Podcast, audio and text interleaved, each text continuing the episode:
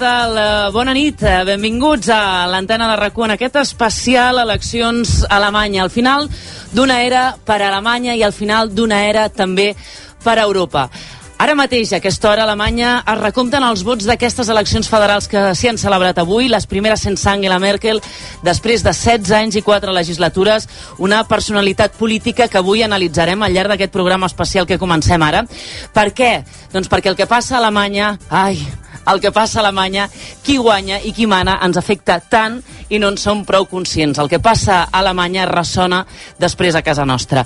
De moment podem avançar que sense Merkel, el partit d'Angela Merkel sembla que aconseguirà els pitjors resultats de la seva història. Són els conservadors de la Unió Cristiana Demòcrata que s'enfonsen fins a arribar a un empat tècnic amb els socialdemòcrates que van lleugerament per davant a mesura que va eh, augmentant i avançant el recompte de vots. Els socialdemòcrates, partit amb qui han governat en coalició. De fet, els d'Angela Merkel. Caldrà arribar, per tant, al recompte de l'últim vot per veure qui lidera les noves negociacions per formar nou govern. Amb els resultats d'aquesta hora eh, podem interpretar, però, que els alemanys demanen un canvi de cicle. Han votat, de fet, en la majoria eh, que surt, eh, seria per una coalició de centre-esquerra. Així que els socialdemòcrates de Olaf Scholz, quedem-nos ja amb aquest nom, Olaf Scholz, podrien ser els que liderin eh, la negociació per formar nou govern. Voldrien eh, prioritàriament fer-ho amb els verds i també amb els liberals. La CDU podria quedar, per tant, fora fora del govern. Pinta una nit llarga, pinten unes llargues negociacions també. De fet, aquest vespre ja hi havia qui especulava sobre veure, si veurem Merkel encara fent el, el missatge de Nadal. Esperem que no, que no s'allargui tant, però pinta, amb l'escenari que tenim ara mateix, una, un escenari polític complicat que requerirà de flexibilitat per la negociació. Per tant, Merkel, i aquí jo crec que el, el grandíssim poder d'atracció d'aquesta figura política, que amb totes les seves llums i ombres, amb tots els seus errors, errors i amb tots els seus encerts, la seva austeritat portada, i em quedaria amb el que és anecdòtica, però portada fins a l'extrem que en 16 anys pràcticament la seva imatge, fins i tot personal, és que no ha canviat res mínimament, és exactament la mateixa físicament que era fa 16 anys, així amb aquesta austeritat ha demostrat que amb flexibilitat per a la negociació es pot eh, arribar a mantenir en el poder. A vegades ha negociat amb els liberals, liberals l'altre altres, però, amb els socialdemòcrates, que és l'altre gran partit alemany. Imaginem-nos l'equivalent a Espanya de negociació entre els dos principals partits polítics per formar un govern de coalició. És un escenari que a nosaltres ens resulta completament inimaginable. Doncs allà Angela Merkel, aquesta figura política, ho ha aconseguit. Repassarem la seva figura, aquesta lideressa que ha pres decisions que han impactat directament en el nostre dia a dia, perquè ho dèiem abans, el que passa a Alemanya ressona a casa nostra. Com a exemple, l'austeritat imposada a la crisi del 2008, de la qual encara n'arrosseguem les seqüeles, a l'exemple últim, el vistiplau a l'endeutament conjunt dels països de la Unió Europea decidida ara per la crisi postpandèmia i a la qual Merkel li ha donat el seu vistiplau. En aquest cas, en aquest cas eh, sí, ajuda a economies del sud com la nostra que necessitaven aquest endeutament. Tot això les dues hores que ens queden per endavant, òbviament no ho faré jo sola, sinó que eh, ens hem envoltat de gent que, que en sap molt, que en sap molt d'Angela Merkel, que en sap molt de l'escenari polític alemany, de la repercussió de la nova era que comença a Alemanya i, per tant, per descomptat, de la nova era que comença també a la Unió Europea. Deixeu-me que saludi ja m'acompanyen aquí a l'estudi Montse Guillem, catedràtica d'Economia de la Universitat de Barcelona. Bona nit, Montse. Hola, bona nit. Col·laboradora també del 9C. Pol Morillas, director del CIDOP. Bona nit. Bona nit. Ah, també habitual, quan tenim dubtes sobre política internacional europea, truquem a en Pol i també el professor Garrido, l'Albert Garrido, professor en política internacional a la, a la Pompeu Fabra i a la UIC. Bona nit, Albert, Bona professor. Nit. Gràcies per acompanyar-nos. També Klaus Jürgen Nagel, professor de Ciència Política a la Pompeu Fabra. Bona nit. Bona nit. Gràcies per acompanyar-nos. Són les 9 i 5 minuts. Ja fa 3 hores que els col·legis electorals han tancat a Alemanya. Primer, amb les dades dels sondejos que hi ha hagut, eh, se significava aquest eh, empat tècnic entre els dos principals partits que són, de fet, socis de govern. La CDU d'Angela Merkel encara i el eh, Partit Socialdemòcrata d'Olaf Scholz. Anem en directe a Berlín. Isaac Lluc, corresponsal de rac a Alemanya. Quina és la situació a aquesta hora? Com va el, el recompte de vots? Eh, bona nit. Eh, doncs fèiem molt temps que les eleccions del Bundestag al Parlament eh, no eren eh, tan, tan emocionants. Eh, mm. Diguem-ne que a hores d'ara el que podem dir és que hi ha una despeta de la Unió Conservadora de la CDU-CSU, els pitjors resultats de la seva història. Han obtingut un 24,5% dels vots, una pèrdua de 8 punts respecte als resultats de fa 4 anys. El Partit Socialdemòcrata, SPD, obté tot just un punt percentual més que els conservadors, això sí, 5 punts per sobre dels propis resultats respecte al 2017. Val a dir eh, que tant el candidat a la cancelleria per la CDU-CSU, Armin Laschet, com el candidat socialdemòcrata Olaf Scholz, com la candidata verda Annalena Baerbock, com la resta de líders dels partits que han obtingut representació parlamentària estan ara eh, cara a cara ara mateix en un debat eh, de la televisió pública alemanya, eh, que es coneix com a la ronda dels elefants, però de moment no han dit eh, res definitiu i menys amb els resultats tan ajustats en una nit que es preveu molt llarga. La tercera força més votada és el Partit dels Verds, amb gairebé el 14% dels vots, un increment de 5 punts respecte a les darreres eleccions. Tot i obtenir els seus millors resultats electorals, però els líders ecologistes admeten que estan per sota de les expectatives creades mm. i després podem eh, parlar de, dels liberals, eh, que han obtingut eh, gairebé el 12% eh, dels, eh, dels vots. També seran eh, peça clau per eh, possibles coalicions com, com els Verds. En canvi, qui no vol parlar ningú eh, és amb l'ultradretana alternativa per a Alemanya, l'AFD, que cau lleugerament al 10,9%.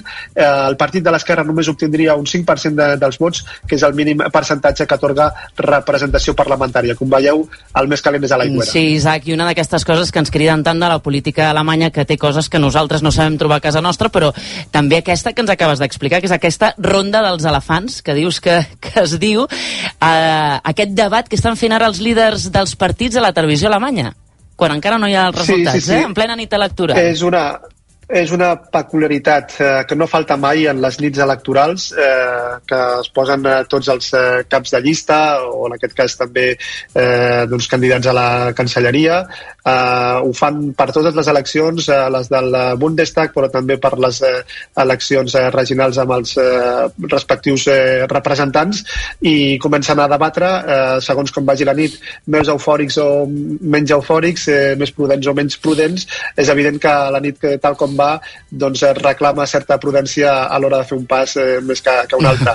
Però això sí que és veritat que, que és una tradició molt implantada a la televisió alemanya. M'agrada, la ronda dels elefants. N'anem a treure el cap a l'exterior de, la, de la seu de, electoral de l'ICPD, que com ens acaba d'explicar l'Isaac, eh, doncs anirien per endavant, lleugerament per endavant, de, de la CDU, que obtindria doncs, els pitjors resultats de la seva història, en aquest cas. Laia Colomer, enviada especial a Berlín. Bona nit.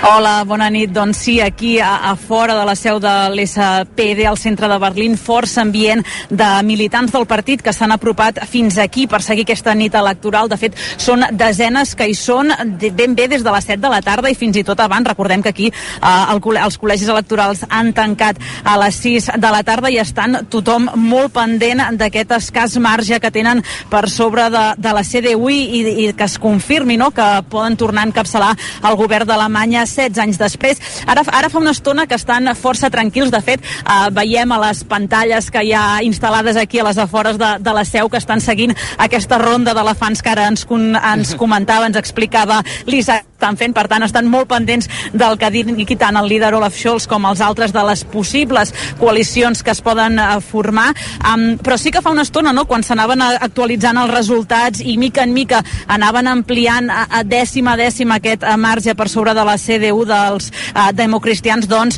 uh, es desfermava l'alegria per, uh, perquè es confirmava, no?, aquesta, aquest avantatge que les últimes enquestes ja assenyalaven, això sí, un avantatge més escàs, no?, que el que aquestes les enquestes assenyalaven que fins i tot la setmana passada algunes les situaven fins a 4-5 punts per sobre de, de la CDU. Per tant, aquí a fora la de, de la seu de l'SPD, molt pendents doncs, que avanci una mica més la nit, es confirmin aquests resultats i la gran pregunta, no?, amb qui podria pactar l'SPD per, per encapçalar el govern d'Alemanya, si amb aquest eh, tripartit amb els verds i els liberals, que és conegut, que seria coneguda com la coalició semàfor pel color de, dels partits, o bé el, el el tripartit d'esquerres, que aquest sí que queda més lluny, amb, que seria amb els Verds i el Dilinque, però Dilinque, com comentava l'Isaac, tot just treu un 5% eh, dels vots, per tant, aquest tripartit d'esquerres eh, que quedaria una mica més enrere.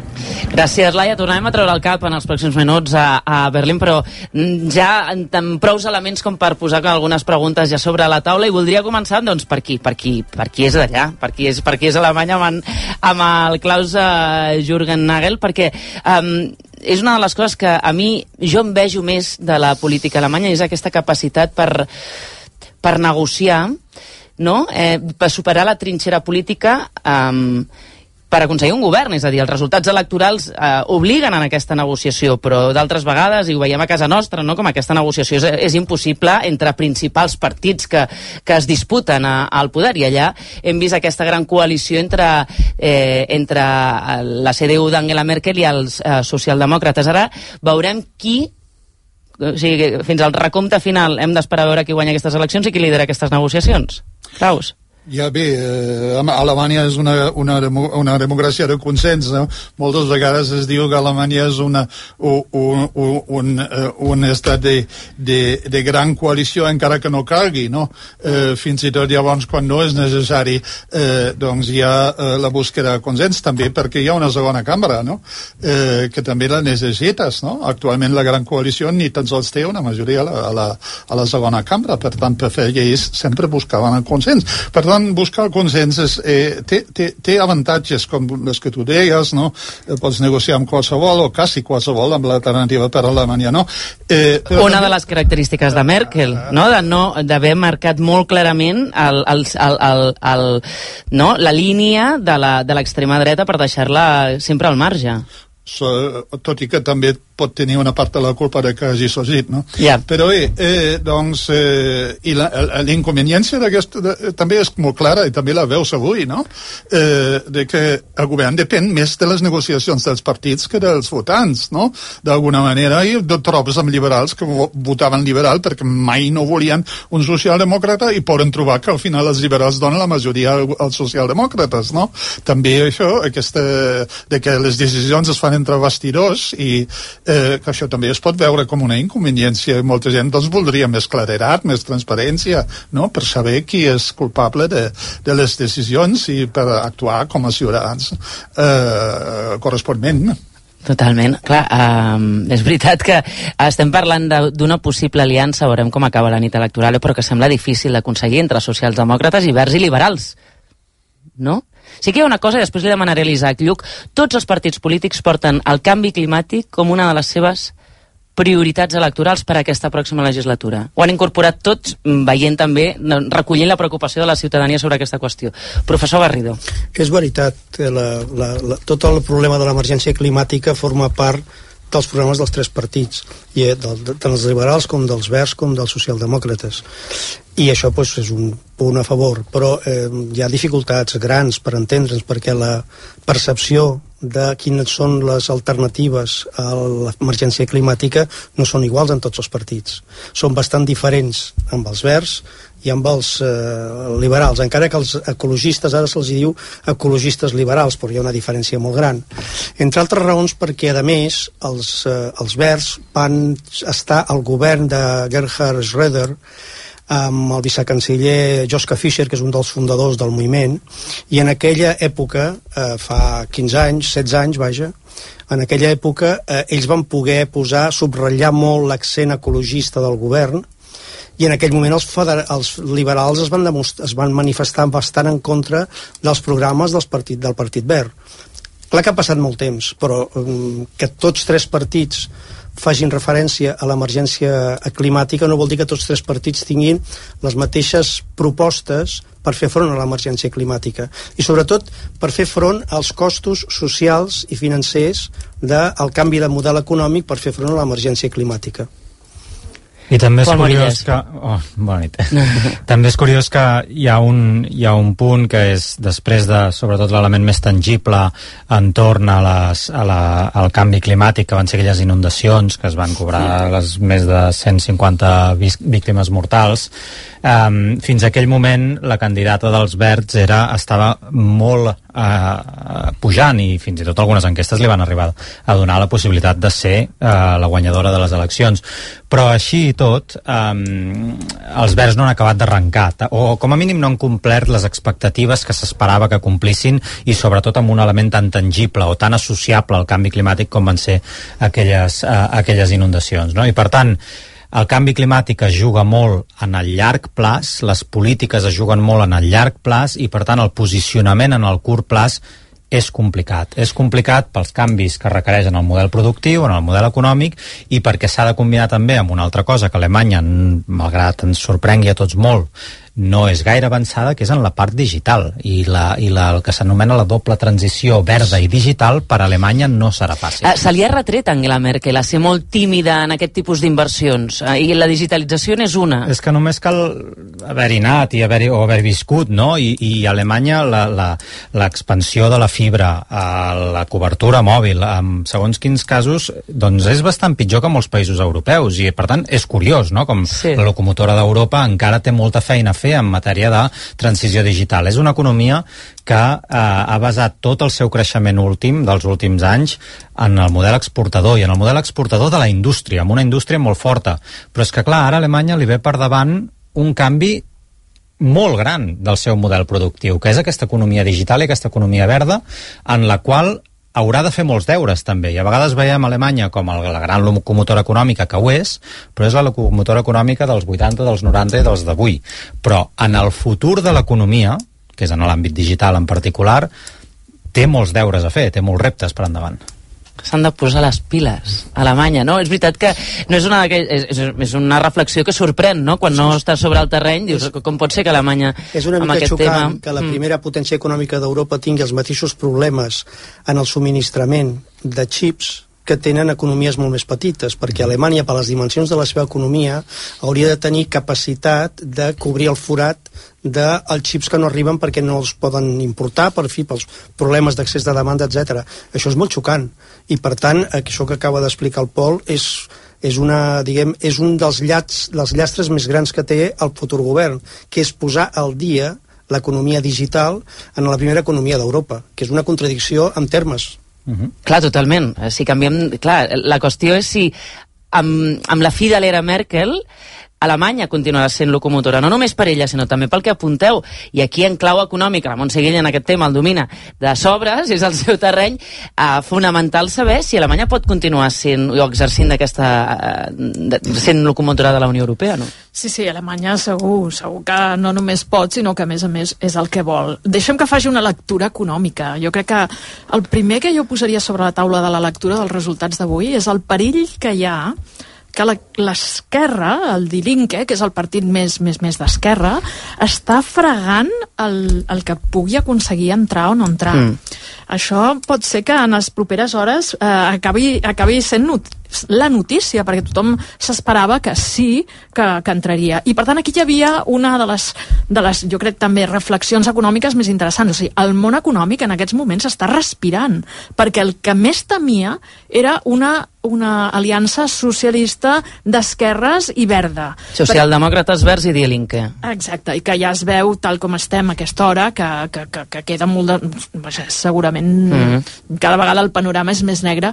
I per tant comença a prendre força, força l'altra lectura eh, econòmica de com ara aniran les, les eh, coalicions que que jo crec que tu deies Nadal, jo crec que més enllà de Nadal, mm. és a dir, s'allargaran moltíssim perquè són problemes claus, com ara, com ara dèiem, no? O sigui, per, per, el, per la política alemana, resoldre el, el seu paper econòmic de futur és essencial. Aleshores, els verds hi han de ser per força. Avui en dia és inconcebible en el món actual europeu, amb la consciència ecològica de canvi climàtic hem pres tots, que hi siguin. Però a la vegada a, a Alemanya es percep el Partit dels Verds com un perill, perquè cuidar el clima vol dir pujar els impostos. I això també té persones en contra. Per tant, ara hem de començar a ficar tots aquests paràmetres i veure qui, quines implicacions tenim en cada una de les coalicions. Aleshores, els liberals, claus en els propers dies. Ells que volen dominar el, el, el Ministeri de Finances, ja mm. ho han dit directament, és a dir, ells volen això. Però si eh, l'esquerra no entra, aleshores no es podrà jugar. Aquí entra el joc aquest de la, de les, de, de teoria de jocs, no? de, a veure com fem estratègies per a, a, a ligar-nos. Clar, si no hi ha l'esquerra, Olaf uh, Scholz no pot dir bé, si vosaltres no voleu, els liberals, faré una col·lecció a l'esquerra perquè no hi serà. Per tant, és molt important que acabem d'aclarir si l'esquerra hi serà o no hi serà perquè el panorama pot ser molt diferent. Clar, per veure la posició de força que tindrà cada partit a l'hora de negociar aquesta coalició. Claus? Sí, sí, totalment d'acord. Eh, les coalicions més eh, probables eh, la del semàfor o la jamaicana, o sigui, en lloc del socialdemòcrata que sigui els cristianomòcrates que liderin eh, el tripartit amb els verds i els liberals. Òbviament, els verds preferien de moment els socialdemòcrates i els liberals preferien eh, eh, la coalició amb el que queda de la CDU, que també són molts escons. I Alemanya no està dit que eh, guanyador de les eleccions sigui el canciller no? Uh -huh. que això eh, pot haver-hi molt per jugar no? entre liberals verds si els liberals i els verds es posessin d'acord i es venguessin en bloc en els uns en els cristianomòcrates o en els socialdemòcrates però no estan en capacitat de fer això i llavors doncs, uns preferien els socialdemòcrates els preferien els cristianomòcrates això pot durar per moltes eh, reunions i això pot durar per molt de temps eh, de negociacions l'última vegada doncs, va sortir la gran coalició entre dos abans abans havia negociat per primera, primera vegada un tripartit, un tripartit entre cristianomòcrates, eh, verds i liberals i eh, va haver-hi tot junt, tot plegat, tot el procés de negociacions va durar 170 dies. No? Ara que no hi ha, que hi ha més d'un tripartit que pugui, que pu pogués sortir, doncs eh, només espero que això vagi tan, tan ràpidament i tan, tan suaument. O sigui, tu també creus que Merkel el missatge de Nadal, eh? Eh, jo espero de, de sentir-la encara al cap d'any, sí, sí. Encara, eh? eh? això... El que passa és que, perdona, eh, sí. Agnès, no es prendran decisions fonamentals durant aquests mesos. Ningú s'atrevirà ja. a fer-ho. És a dir, s'estarà pactant, parlant, però ningú farà un pas rellevant. I aleshores això el que pot passar és que a la primavera tot s'acceleri. En França, al capdavant de la Unió Europea, a Alemanya digui, bé, ara jo m'he de postular, i aquí és on ens afecta a nosaltres molt especialment, perquè la posició d'Alemanya sobre com reactivar l'economia en els propers dos anys serà fonamental per nosaltres. És a dir, pot ser que tornem a recuperar aquella idea del dèficit que ens va portar les retallades, el, la limitació del deute públic que podria ser molt greu en el cas d'Espanya i, i, i bé, i, i després no només això, sinó el, el paper que tindrem en, aquest, en aquesta reforma que ha de fer Europa sobre la fiscalitat, que s'ha de posar al davant o al darrere d'aquesta decisió sobre, sobre l'estabilització. Aquí és, um, és fonamental veure també quin serà el programa. Posem per cas no, que, que acaba governant, com sembla molt probable, la Cancelleria, l'SPD o, o la CDU. Aquí el, els punts de convergència entre CDU i SPD són bastant alts. És a dir, amb, les grans, amb els grans temes de l'agenda europea hi ha bastant acord entre els dos grans partits, hi ha bastant més marge d'interpretació en la política interna, en pensions, en economia, en qüestions de, um, de política interna alemanya, però amb, amb les línies europees eh, les línies estan bastant marcades. I aquí, um, evidentment, uh, la gran, el gran dubte és fins quin punt els liberals acompanyant a la CDU o acompanyant a l'SPD tindran un pes determinant. Perquè si els liberals efectivament aconsegueixen el Ministeri de Finances eh, i, i, i aconsegueixen, per tant, marcar la línia en, en, en, en les qüestions que, que, que s'abocaven sobre la, la qüestió fiscal, això és el que ens delimitarà el, el futur d'Europa. Pensem que el 2022, primer en les eleccions franceses, evidentment, però el 2023 és l'any en què s'acaba el fons de recuperació tal com l'hem concebut ara. I per tant s'ha de decidir si es fa més permanent mm. o és una qüestió d'haver abordat eh, la, la, la, la pandèmia de manera satisfactòria i per tant es queda com un experiment de pandèmia o de postpandèmia immediata. Eh, primera qüestió. Segona qüestió, depèn qui hi hagi a, a l'Eliseu no? I, qui, i, qui, i qui guanyi en les, en les franceses.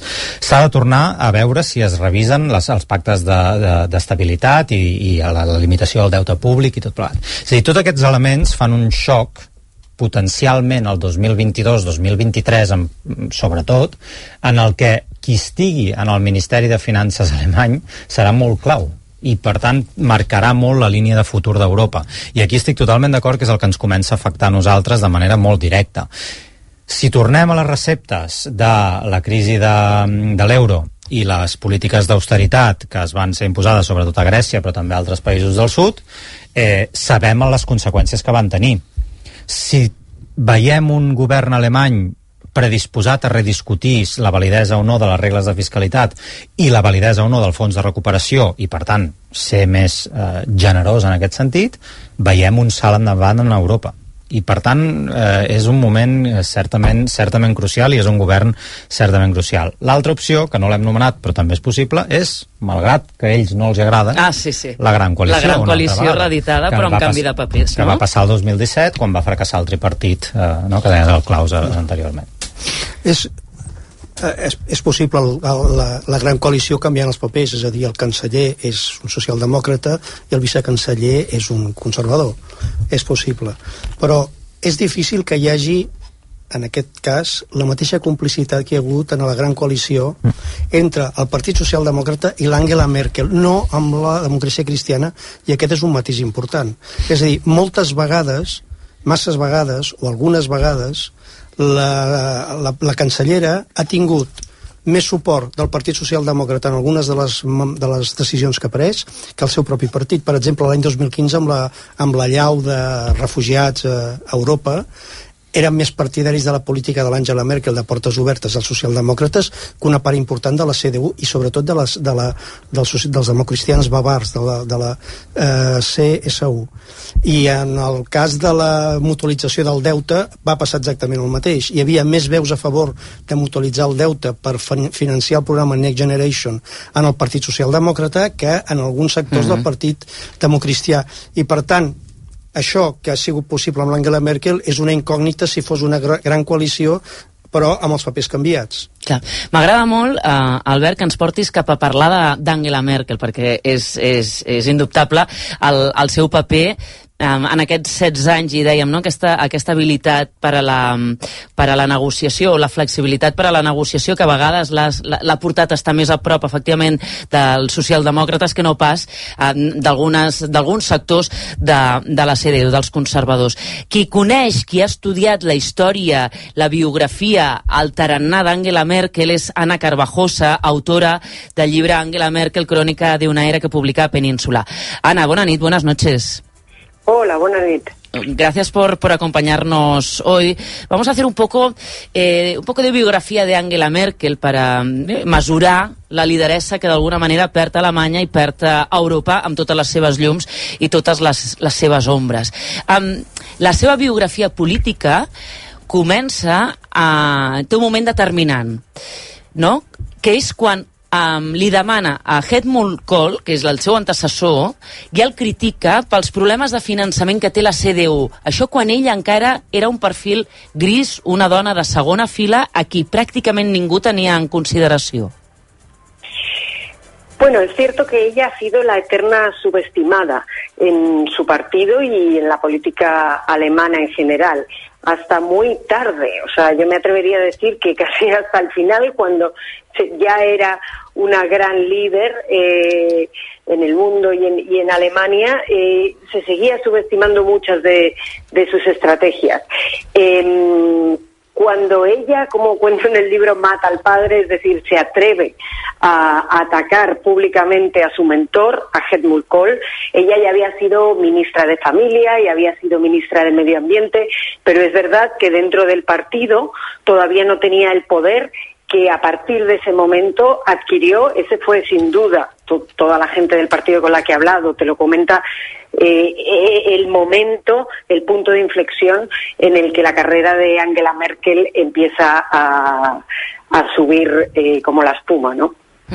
De, de tots els seus moments eh, determinants, ara el repassarem i també voldré, hi ha la crisi del 2008, hi ha la crisi de, de, de, dels refugiats de Síria l'any 2015, i ara eh, hi ha la guerra de Crimea, hi ha la dependència que no sap resoldre del gas rus, no? que això és eh, geopolítica, no? estratègia eh, en fi, política internacional. Deixem mm, un moment, Anna, perquè jo vull saber la Laia Colomer ha estat preguntant pels carrers de Berlín als ciutadans què en pensen d'Angela Merkel. Laia, bona nit de nou.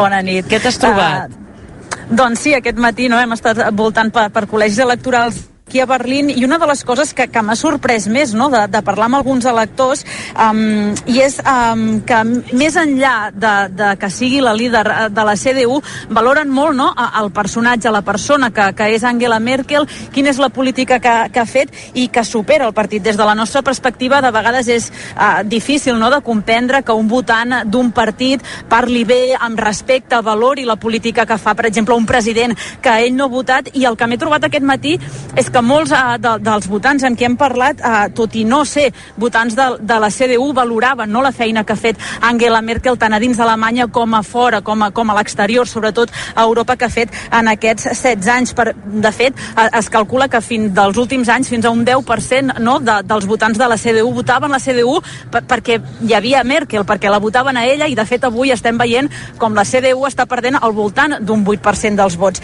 I en aquest sentit és interessant uh, una noia que ara sentirem no, que aquest matí en reconeixia que ella no és votant de la CDU, avui no ha votat la CDU, però en reconeixia que, que un cop sí que havia votat la CDU precisament per, per votar Merkel. Also ich war noch nie CDU-Wähler. No he estat mai votant de la CDU. Els he votat només un cop per Merkel i va ser perquè em va agradar la seva política amb els refugiats, però la CDU mai ha estat el meu partit. Avui voto a qui ja hauria votat amb o sense Merkel. Das, was ich sonst sowieso auch immer gewählt habe. També una, una de, de les coses que, que ens comentaven és el buit que deixa Angela Merkel. No? La, la veuen després de 16 anys com una, una lideresa forta, com una, una persona no? que, que, que ha trepitjat fort, que, que s'ha sapigut no? a posicionar al món i, i ara escoltarem un, un, un senyor no? que, que ens explicava això, que ara mateix dels líders, dels candidats que avui es presentaven, no en veien cap que, que pogués doncs, substituir a Angela Merkel. En el mío no pero tampoco creo que influye en general, porque es normal que después de un tiempo pues hay un cambio. El problema no es que la Merkel se va, sino que la mayoría de la gente cree que no hay nadie que puede ser tan bueno como ha sido la Merkel.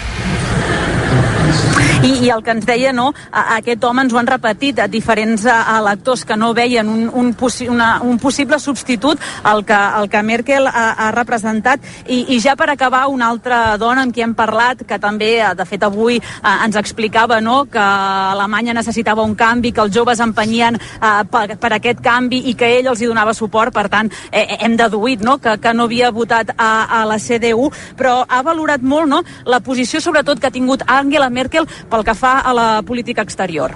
Ella ha hecho una política sin vanidad, que tomen nota los señores eh, en todas partes. Esto es algo extraordinariamente importante y caracterizó su estilo. Además, es una mujer extraordinariamente inteligente y disciplinada que ha trabajado mucho y ha tenido el don de poder negociar con partidarios conflictivos entre sí. Recuerde eh, la famosa foto cuando ella se impone a, a, Trump, esta foto, ella la única de todos los señores que le pone freno, o cuando ha sacado este fondo adelante en la EU para combatir los resultados del COVID, que es sobre todo importante para los países del sur. Doncs això, Agnès, una, una mica no, el que ens comentaven sí, sí. A, aquest uh, matí uh, diferents electors, hem també hem, hem parlat amb altres diferents electors, uh, aquests tres, per exemple, uh, cap dels tres, uh, segurament pel que ens comentaven, ha votat la CDU, no? però aquesta capacitat de reconèixer la feina feta durant aquests 16 anys mm. per, per Angela Merkel. Claríssim, gràcies, Laia. Estem, estem parlant amb Anna Carga Bajosa, que és uh, autora d'Angela Merkel, Crònica de una era. Um, disciplina, sin vanidad, ¿no? Con esta austeridad que, sin embargo, mmm, pues eh, ha conseguido eh, que tenga Angela Merkel una gran ascendencia no sobre eh, muchísimos ciudadanos alemanes. Sí, de hecho, eh, el, una de las últimas encuestas decía que el 80% de los alemanes considera positivo su, su trabajo ¿no? al frente del gobierno. Y eso tiene que ver en parte con esta personalidad política de la que hablabais, ¿no? Este, este ego casi invisible que tiene, este sentido común, la racionalidad, ese posibilismo y, la búsqueda incansable de compromisos, ¿no? En Alemania y también en, en Europa. Pero también porque eh, ha sabido acaparar el centro político alemán y el, y el centro de la sociedad eh, siendo capaz de aprobar políticas que no eran propias de su partido. Se dice que ha escorado el Partido Conservador al centro, que incluso lo ha socialdemocratizado, y, y entonces ha sabido acaparar esa mayoría social que ha hecho que cuente con la aprobación de muchísimos ciudadanos y que, como hemos visto hoy, eh, cuando ella ya no está al frente del partido, ya no quieren votar a ese partido porque la votaban a ella. Y siendo capaz de imprimir también golpes de efecto, ¿no? Eh, recuerdo el 2015, la crisis de los refugiados eh, de Siria, con aquellas largas eh, colas de personas huyendo de, de, Siria de un conflicto, a, aquella crisis europea de inmigración, llega un momento en que Angela Merkel asume su liderazgo y dice, no, no, lo podemos hacer y cómo ella es capaz de comunicarse fácilmente, con, con, con, muchísima habilidad con los ciudadanos alemanes, a pesar de que eso le, repercute después electoralmente, decir, no, no, podemos asumir a un millón de refugiados eh, sirianos, ¿no? E ese golpe de efecto cuando de Merkel a priori no lo esperas.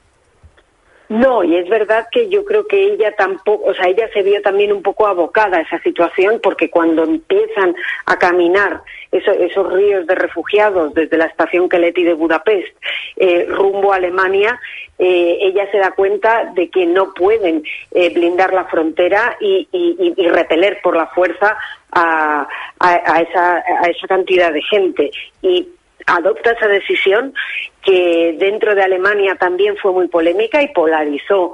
Buena parte de los alemanes se volcaron. Todavía hoy hay millones de alemanes que dedican su tiempo libre al voluntariado, a ayudar a los refugiados con todo tipo de actividades, pero también dio alas a la extrema derecha, Alternativa para Alemania, que eh, de hecho en 2017 entró por primera vez en el Parlamento alemán con el 12,6% de los votos y un discurso muy xenófobo como reacción a, a l'entrada de los refugiados, no? Ara, després d'això ho apuntava el Claus fa una estona, no? O sigui, quin, quin tant per cent de responsabilitat tenen les seves accions polítiques en el creixement de discursos populistes, en aquest cas alternativa per, per Alemanya. Per acabar, eh, Anna Carvajosa, eh, recordo eh, el mes de març de l'any passat, eh, el mes de, era el març de l'any passat, en plena pandèmia, aquel discurso que hizo Angela Merkel también eh, por televisión, de una potencia comunicativa, eh, en fin, yo creo que es sorprendente, eh, para decir y avisar a los ciudadanos esto es grave, ¿no? Fue, fue, un, fue un, mensaje de Angela Merkel que circuló muchísimo porque, bueno, eh, todos los países estábamos igual y, bueno, pues en algunos se comunicaba con menos eficiencia, ¿no? Ha sido su capacidad de, comunicarse eh, yendo muy al grano, sin, sin regodearse en, en, en, en paternalismos, eh, yendo al grano y, y, y siendo transparente, o, o, desnudando mucho su discurso, una de esos grandes bazas? Sí, pero ha, ha hecho falta que pasaran años para que eh, muchos alemanes se adaptaran a ese estilo, porque en realidad ella no es una gran oradora, eh, más bien es eh, aburrida, monocorde, habla con eh, muchas subordinadas, eh, muchos detalles, mucho tecnicismo, pero es seca, es árida. Pero los ciudadanos han comprendido con el paso del tiempo que cuando ella dice algo, primero acostumbra a cumplirlo, eh, no exagera, no tiene golpes de efecto, no quiere seducir. Ella explica con, con, las cosas como son, ¿no? Aunque puedan ser desagradables, como en el caso de la pandemia, ¿no? Yo recuerdo una de las primeras conferencias de prensa cuando nadie decía eso, ella dijo, si no se inventa una vacuna, el 60 o el 70% de la población acabará contagiada. Y eh, recuerdo, yo llamé al periódico entonces, me dijeron, ¿has oído bien seguro? Y dije, sí, sí, porque parecía impensable. Y ella lo decía no para asustar, pero para explicar que esto, eh, el crecimiento exponencial, y explicaba la curva, porque además como ella al ser científica, eh, domina muchísimo los datos y, y, todos los detalles en una precisión abrumadora. Y entonces, eh, poco a poco se ha ido ganando la credibilidad de jefes de Estado también, ministros, gente que ha negociado con ella, me explicaban que es que es impresionante cuando se sentan en la mesa de negociación cómo domina los temas, la seriedad, el conocimiento de todos los detalles.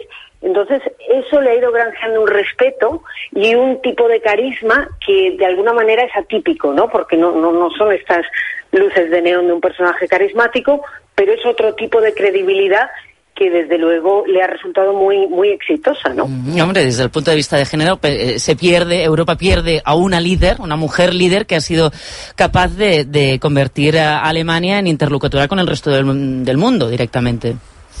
Sí, y además como mujer con su propio estilo, ¿no? O sea, no, no, no, no le ha hecho falta copiar a los hombres tampoco, ni le ha hecho falta eh, nada especial, le ha hecho falta ser ella con su seriedad, ¿no? Y su solidez. Sí, esa aridez, ¿no decías? Es, es árida, es árida eh, en sus uh, palabras. Gracias, Ana Carvajos, autora Angela Merkel, Crónica de una era, editado por Península. Gracias por acompañarnos hoy. A vosotros. Vagi bé. Klaus, Ciao. Klaus, que em mires, vas fent... Anaves fent cops a cap. Què passa? Bé, clar, com que he experimentat la senyora Merkel durant 16 anys ara, eh, lideresa. Si entenc per lideresa algú que avança a la societat, ella no ha estat lídera.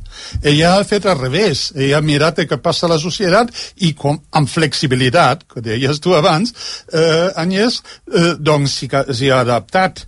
L'únic moment li, on deies tu abans, assumeix lideratge, sí. lideratge quan diu allà obrim les portes eh, eh, en la crisi dels refugiats. De seguida després ha remat enrere i eh, doncs no ha jugat l'Obama yes we can, eh, wir schaffen das com semblava que ho fes al principi. I aquest era l'únic moment. Complir les seves promeses Me'n recordo de promeses d'ell, ja mantenim el servei militar, el seu govern l'aboleix. Eh, proroguem eh, l'energia nuclear i tanquen els nuclears. Eh, Després de Fukushima, no ajudem els grecs perquè no està pactat el primer paquet d'ajuda. Mai no hi haurà un segon paquet. Hi havia un segon paquet. Mai el, el Banc Europeu eh, compra eh, deure sobirana. En segueix comprant fins avui. I podria continuar amb eh, les promeses que ja he fet i que no ha complert. Pel bo o pel dolent, això és una altra mm. cosa. Mm. Però ara dic eh, això de lideresa, avançar la societat, no, no avança, va darrere. I eh, d'això de complir promeses, no. Ella és una magnífica, ha estat una magnífica gestora, molt flexible, eh, però en quant a contingut polític ha estat un pendó. Ha canviat una altra vegada. És veritat que amb les nuclears, eh, ella, quan passa l'explosió de Fukushima, ella reacciona i anuncia el tancament de les nuclears al seu país. I després, ja que no n'hem parlat, perquè hem parlat de la crisi del 2008 i la repercussió de l'austeritat sobre la nostra economia, del cas grec, que allò, és que... allò és el gran frau de, de la Unió Europea. És a dir, donar el poder a, a uns ciutadans i després arrabassar-los les seves decisions. Jo, jo tinc la impressió de que bueno, jo tinc la impressió, no, és evident que hi ha, hi ha dos Merkels, la Merkel de l'austericidi i la Merkel posterior a l'austericidi. Jo crec que el Next Generation és la rectificació d'un error manifest que ha estat potenciat pel Banc Central Alemany, pel senyor Schauble, que deia autèntiques barbaritats en relació a la crisi de Grècia, etc. I aleshores, eh, la, la, en aquesta segona fase, en aquesta Merkel 2, jo crec que hi ha algú, alguna cosa que mm, es, eh, està relacionada amb els que s'acaba de dir i és la, la gestió de l'Angela Merkel és una versió de la Realpolitik amb rostre humà però al final és Realpolitik mm -hmm. ah? no és una innovadora però tampoc és una conservadora recalcitrant o dogmàtica llavors aquest, aquesta Realpolitik amb rostre humà fa que la, la, la projecció de la imatge d'algú que efectivament, jo no sé alemany, però mm, tots els que saben alemany diuen que és molt avorrida quan parla. Doncs que la projecció de la seva imatge passi per sobre de la força de les seves paraules. Yeah. I aquesta imatge eh, l'ha treballat molt bé i jo crec que hi ha una altra cosa que ara no m'extendré, però que he pensat moltes vegades, i és el seu origen social i què era el seu pare. Un pastor luterà que era un pastor luterà, i l'austeritat, la imatge austera d'aquesta senyora, la imatge continguda d'aquesta senyora, crec jo que té molt a veure sense fer cap, eh, cap eh, judici precipitat, té molt que veure amb la ètica luterana. Aviam, Pol. Jo faré un contrapunt amb el que, amb el que deia el Claus, que ja estic molt d'acord, eh, per altra banda, amb el que deia de, de, de, la, de la seva eh, acció política eh, per defecte, no? Però analitzem un moment el lideratge d'Angela Merkel. El lideratge d'Angela Merkel no és, i sobretot a Europa, no és testosterònic, no és mm. de grans expectatives, no és de grans titulars, ni és de construïm l'Europa del futur, ni fem els grans canvis que necessita Europa. És a dir, no és un Obama, no és un Macron, i per tant no juga a aquesta lliga.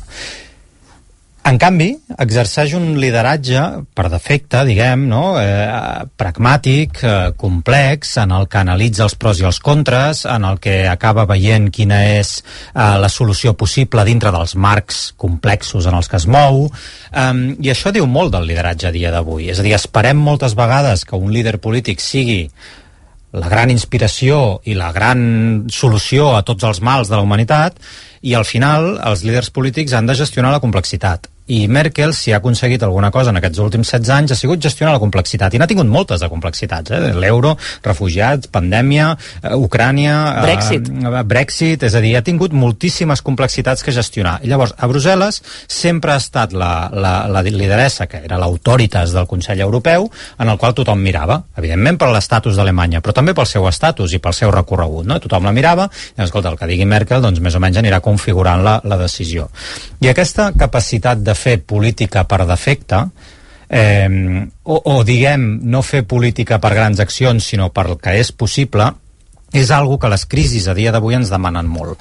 Perquè aquestes crisis estan circumscrites, no ho oblidem, en eh, fenòmens socials i polítics molt intensos a tots els països on es viuen.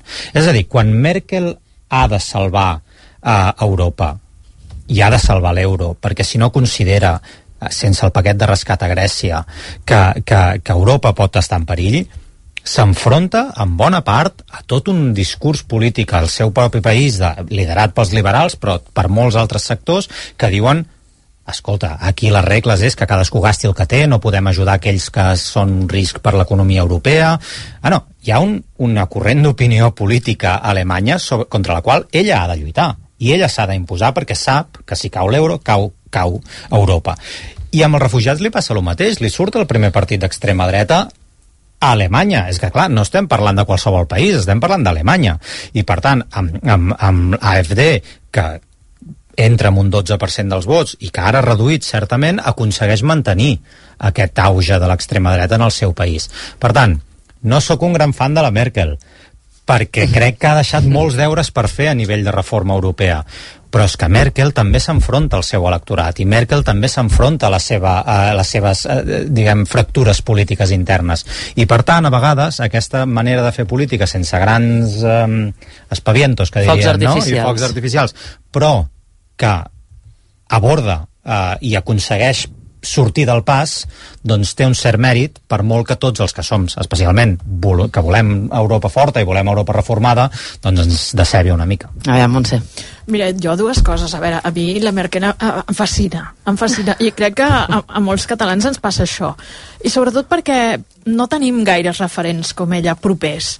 O sigui, jo analitzava les nostres polítiques i les trobo tan diferents de la, de, de la Merkel, no? I llavors hi ha moltes coses d'ella que m'agradaria trobar-les aquí també, no? Per exemple, aquesta mentalitat científica, aquesta capacitat d'explicar-se de, tècnicament, eh, encara que costi a vegades, eh, prestar atenció, però m'agrada. I, i, I després, d'ella doncs m'agrada l'austeritat, m'agraden moltes coses no? que no trobo a casa nostra i que crec que per això la trobem tots doncs, una, una personalitat, no? Però també és veritat que la Merkel, i jo crec que això lliga amb el que hem vist avui, els dos últims anys s'acompanya d'Olaf Scholz, que Olaf Scholz li fa també apropar-se a aquest centre, a aquesta altra visió una mica més d'esquerra, que, que li fa veure que la societat no, no és tan de, de dretes com el seu partit, no? I potser això explica que avui qui hagi guanyat, tampoc sense, sense resar, no? Però, però sí que, que qui, hereu, qui és l'hereu d'aquesta capacitat de gestionar la complexitat i la incertesa que tenim avui en dia és la persona que ha guanyat avui, o qui ha tret més vots. Després veurem si serà capaç de formar... Efectivament, diguem-ho per qui no ho sàpiga, perquè Olaf Scholz, que avui és el candidat del Partit Socialdemòcrata, ha estat fins ara, en aquest últim govern, ministre de Finances del govern que liderava la CDU amb Angela Merkel com a cancellera. Sí, sí. Però, això... És el millor relleu d'Angela Merkel, és el líder... Bueno, déu nhi Per això pot ser un més merkelià. Sí, sí, sí, és merkelià, oi? Sí. Tecnòcrata, sí, no? Fa, fa servir els gestos de la Merkel, fa servir les paraules de la Merkel, eh, copia, per, eh, i per això ha guanyat, si ha guanyat. Mireu, eh, queden 10 minuts per les, per les 10. Eh, farem una pausa curta. Tornarem a treure el cap a Berlín, actualitzarem els resultats, l'Isaac Lluc ens dirà com, com està tot, i de fet eh, parlarem amb altres persones també per, doncs, eh, ho hem apuntat, no? per veure aquesta dimensió europea d'Angela Merkel, com queda Alemanya dins el tauler europeu a partir d'ara tot i que encara no sabem qui serà el pròxim eh, canceller. Ho farem amb Cristina Gallac, que, en fi, ha estat secretari d'Estat d'Assumptes Exteriors al govern espanyol, però també alta comissionada per l'Agenda eh, 2030, secretària general adjunta de les Nacions Unides i que de la Unió Europea ens apunteu. Pausa i tornem. RAC 1 No, un elèctric. No, un dièsel. Carinyo, desperta't. Què? M'estic tornant boig per comprar-me el cotxe. Doncs vés-te'n a Kia, perquè hi tenen tot tipus de models perquè trobis el que se t'adapta més bé. Si no és en un concessionari Kia, és que no existeix. Aprofita ara el Plan Moves 3. Amb Kia, descobreix el que t'inspira. Vine a Callesa, concessionari oficial Kia Tàrrega i Lleida o visita'ns a callesa.com.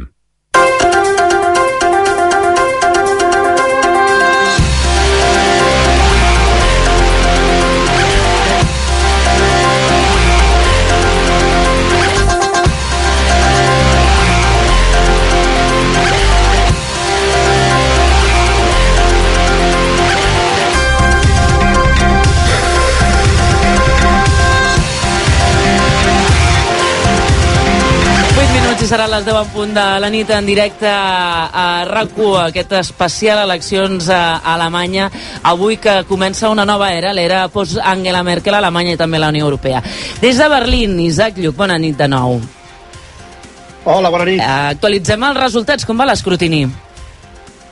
Segons eh, abans la nit, els socialdemòcrates van ampliant diferències, eh, dècima a dècima, però de forma ben visible. En aquest moment del recompte de vots, eh, l'SPD se situa en el 26%, són 5 punts i mig eh, més que el 2017. En canvi, la Unió Conservadora de la CDU-CSU va perdent, sembla, pistonada, es perfila com a segona força amb un 24,5% eh, dels vots. Sembla que s'ha quedat estancada aquí. Seria la pitjor derrota eh, de la història de la CDU. tant, 8 punts eh, respecte al 2017. Es mantenen com a tercera força els verds amb gairebé el 14% de, dels suports. Els eh, liberals serien eh, la quarta força amb un eh, gairebé 12% eh, dels vots. L'AFD eh, recula fins al 10,5%, mentre que l'esquerra encara està lluitant per eh, mantenir-se en el mínim exigible eh, per tenir representació parlamentària amb el 5% dels vots. Isaac, abans comentàvem que a Alemanya no s'ensenya el percentatge de vot eh, escrutat eh, precís, com aquí, no? que sabem eh, quan anem pel 60%. Quals... Per tant, sabem o intuïm quan es pot acabar la nit electoral, quan podem tenir el 100% del, del vot recomptat?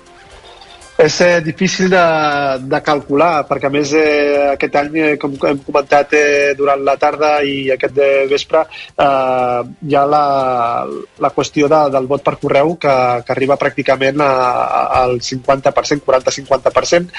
Hem de pensar també que en, en, qüestió, en, en època de pandèmia doncs, eh, els, eh, els que recompten els vots es poden posar els, els guants de plàstic, això eh, dificulta tot el procés, eh, alenteix tot el procés, però, però vaja, en teoria l'únic que, que podem dir és que la ronda d'elefants eh, ja s'ha acabat, sí? que, que d'alguna manera això també pot ser, eh, ser un senyal de que no estem tan lluny eh, del recompte definitiu de, de tot l'escrutini. D'aquesta ronda d'elefants és destacable eh, que hi ha una aproximació, eh, perquè ara, clar, tot, eh, si, si ha estat eh, la nit electoral molt emocionant, encara ho serà més el dia després, Ai, i tot el que seran tot, totes les negociacions que començaran a partir de demà. Gràcies, gràcies. Sí, uh, sí, sí, ara sí, és que t'hem perdut un moment. Digues, digues, endavant. Sí, sí uh, hi ha hagut una aproximació, uh, diguem-ne, durant la ronda de- d'elefants entre els Verds i l'FDP. Vull dir, creuen que, que poden uh, governar junts. Eh, han deixat molt clar que contra ells eh, no es pot fer res. En canvi, s'ha vist a Armin Laschet, el candidat a canceller de la CDU, més eh, golpejat.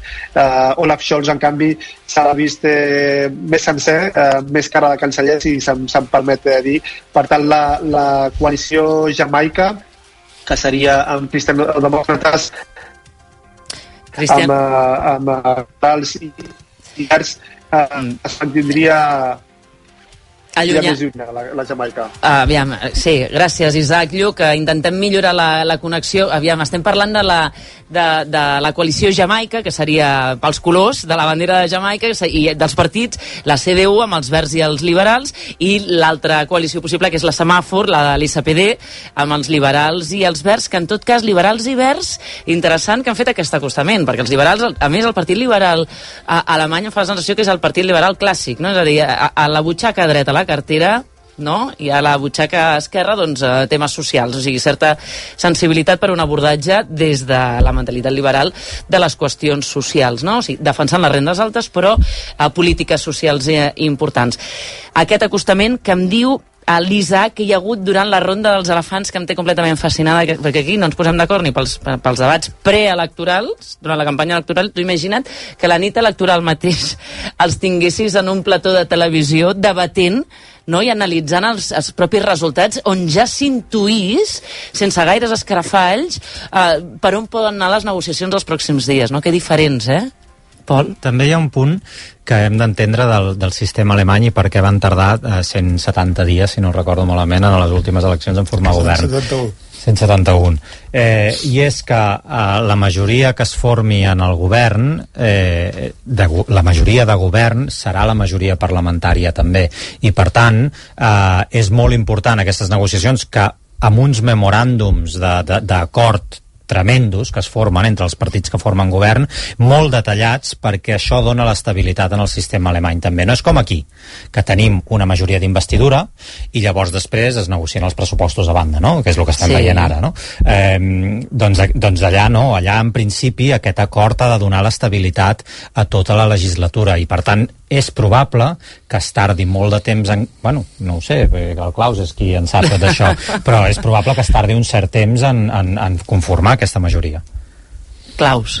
Bé, eh, primera hora, a- ara parlen els elefants, o sigui, els presidents dels partits, després hi haurà el que diem els sondejos, que paral·lelament es poden sondejar eh, coalicions eh, diferents, eh, com ara seria la Jamaica o el semàfor, pot anar paral·lelament, i finalment, doncs, si s'hi arriba a un acord, llavors sí que es fa un tractat eh, de coalició, que són documents molt llargs, que eh, doncs regeixen, però això eh, fins ara ha funcionat també perquè sempre hi ha hagut governs de coalició, mai en minoria que és mm, la, el que teníeu vosaltres, no?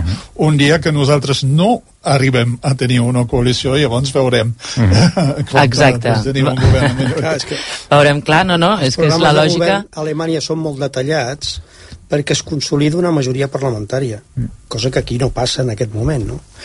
I mm, precisament perquè es, es, es, la pretensió és fer un programa de govern molt detallat, que inclou el pressupost, és molt complicat que arribin a un acord, o és molt difícil, o necessita molt temps. Entre altres coses perquè en aquest cas el possible canceller, el senyor Olaf Scholz, ha estat ministre de Finances dos anys i els liberals pretenen el Ministeri de Finances. I aquí pot haver-hi un conflicte de perspectiva política molt gran entre la continuïtat de la gestió a finances del senyor Scholz, sobretot a partir de la pandèmia, i les pretensions del Partit Liberal i el seu programa econòmic post-pandèmia. I aquí això no, això no se soluciona en dos dies, mm. perquè aquí hi ha molts interessos creats de tipus polític, però també de cara cap en fora, de tipus social, l'evolució de l'economia, etc mm. etc. Uh, Deixeu-me saludar, queda un minutet per les 10 i no la puc fer esperar més. Uh, Cristina Gallac, ella és, uh, ha estat uh, secretària d'Estat d'Assumptes Exteriors del govern espanyol i també secretària general adjunta de les Nacions Unides. Bona nit, uh, Cristina Gallac. Hola, molt bona nit, com esteu? Molt bé, aquí seguint, doncs la veritat, aquesta nit electoral alemanya que és apassionant. No sé si té la sensació, Cristina Gallac, que ens fixem molt des de casa nostra amb eleccions com, per exemple, les dels Estats Units, que són eh, d'una influència mundial molt evident, però que també hauríem de tenir l'ull posat amb el que passa a Alemanya, perquè després això doncs, també acaba tenint conseqüències molt directes, en aquest cas, a, amb economies com la nostra, no? I tant, mira, jo ara en aquest moment us parlo des de Brussel·les mm. i us puc dir que hi ha un gran interès, eh, jo estic convençuda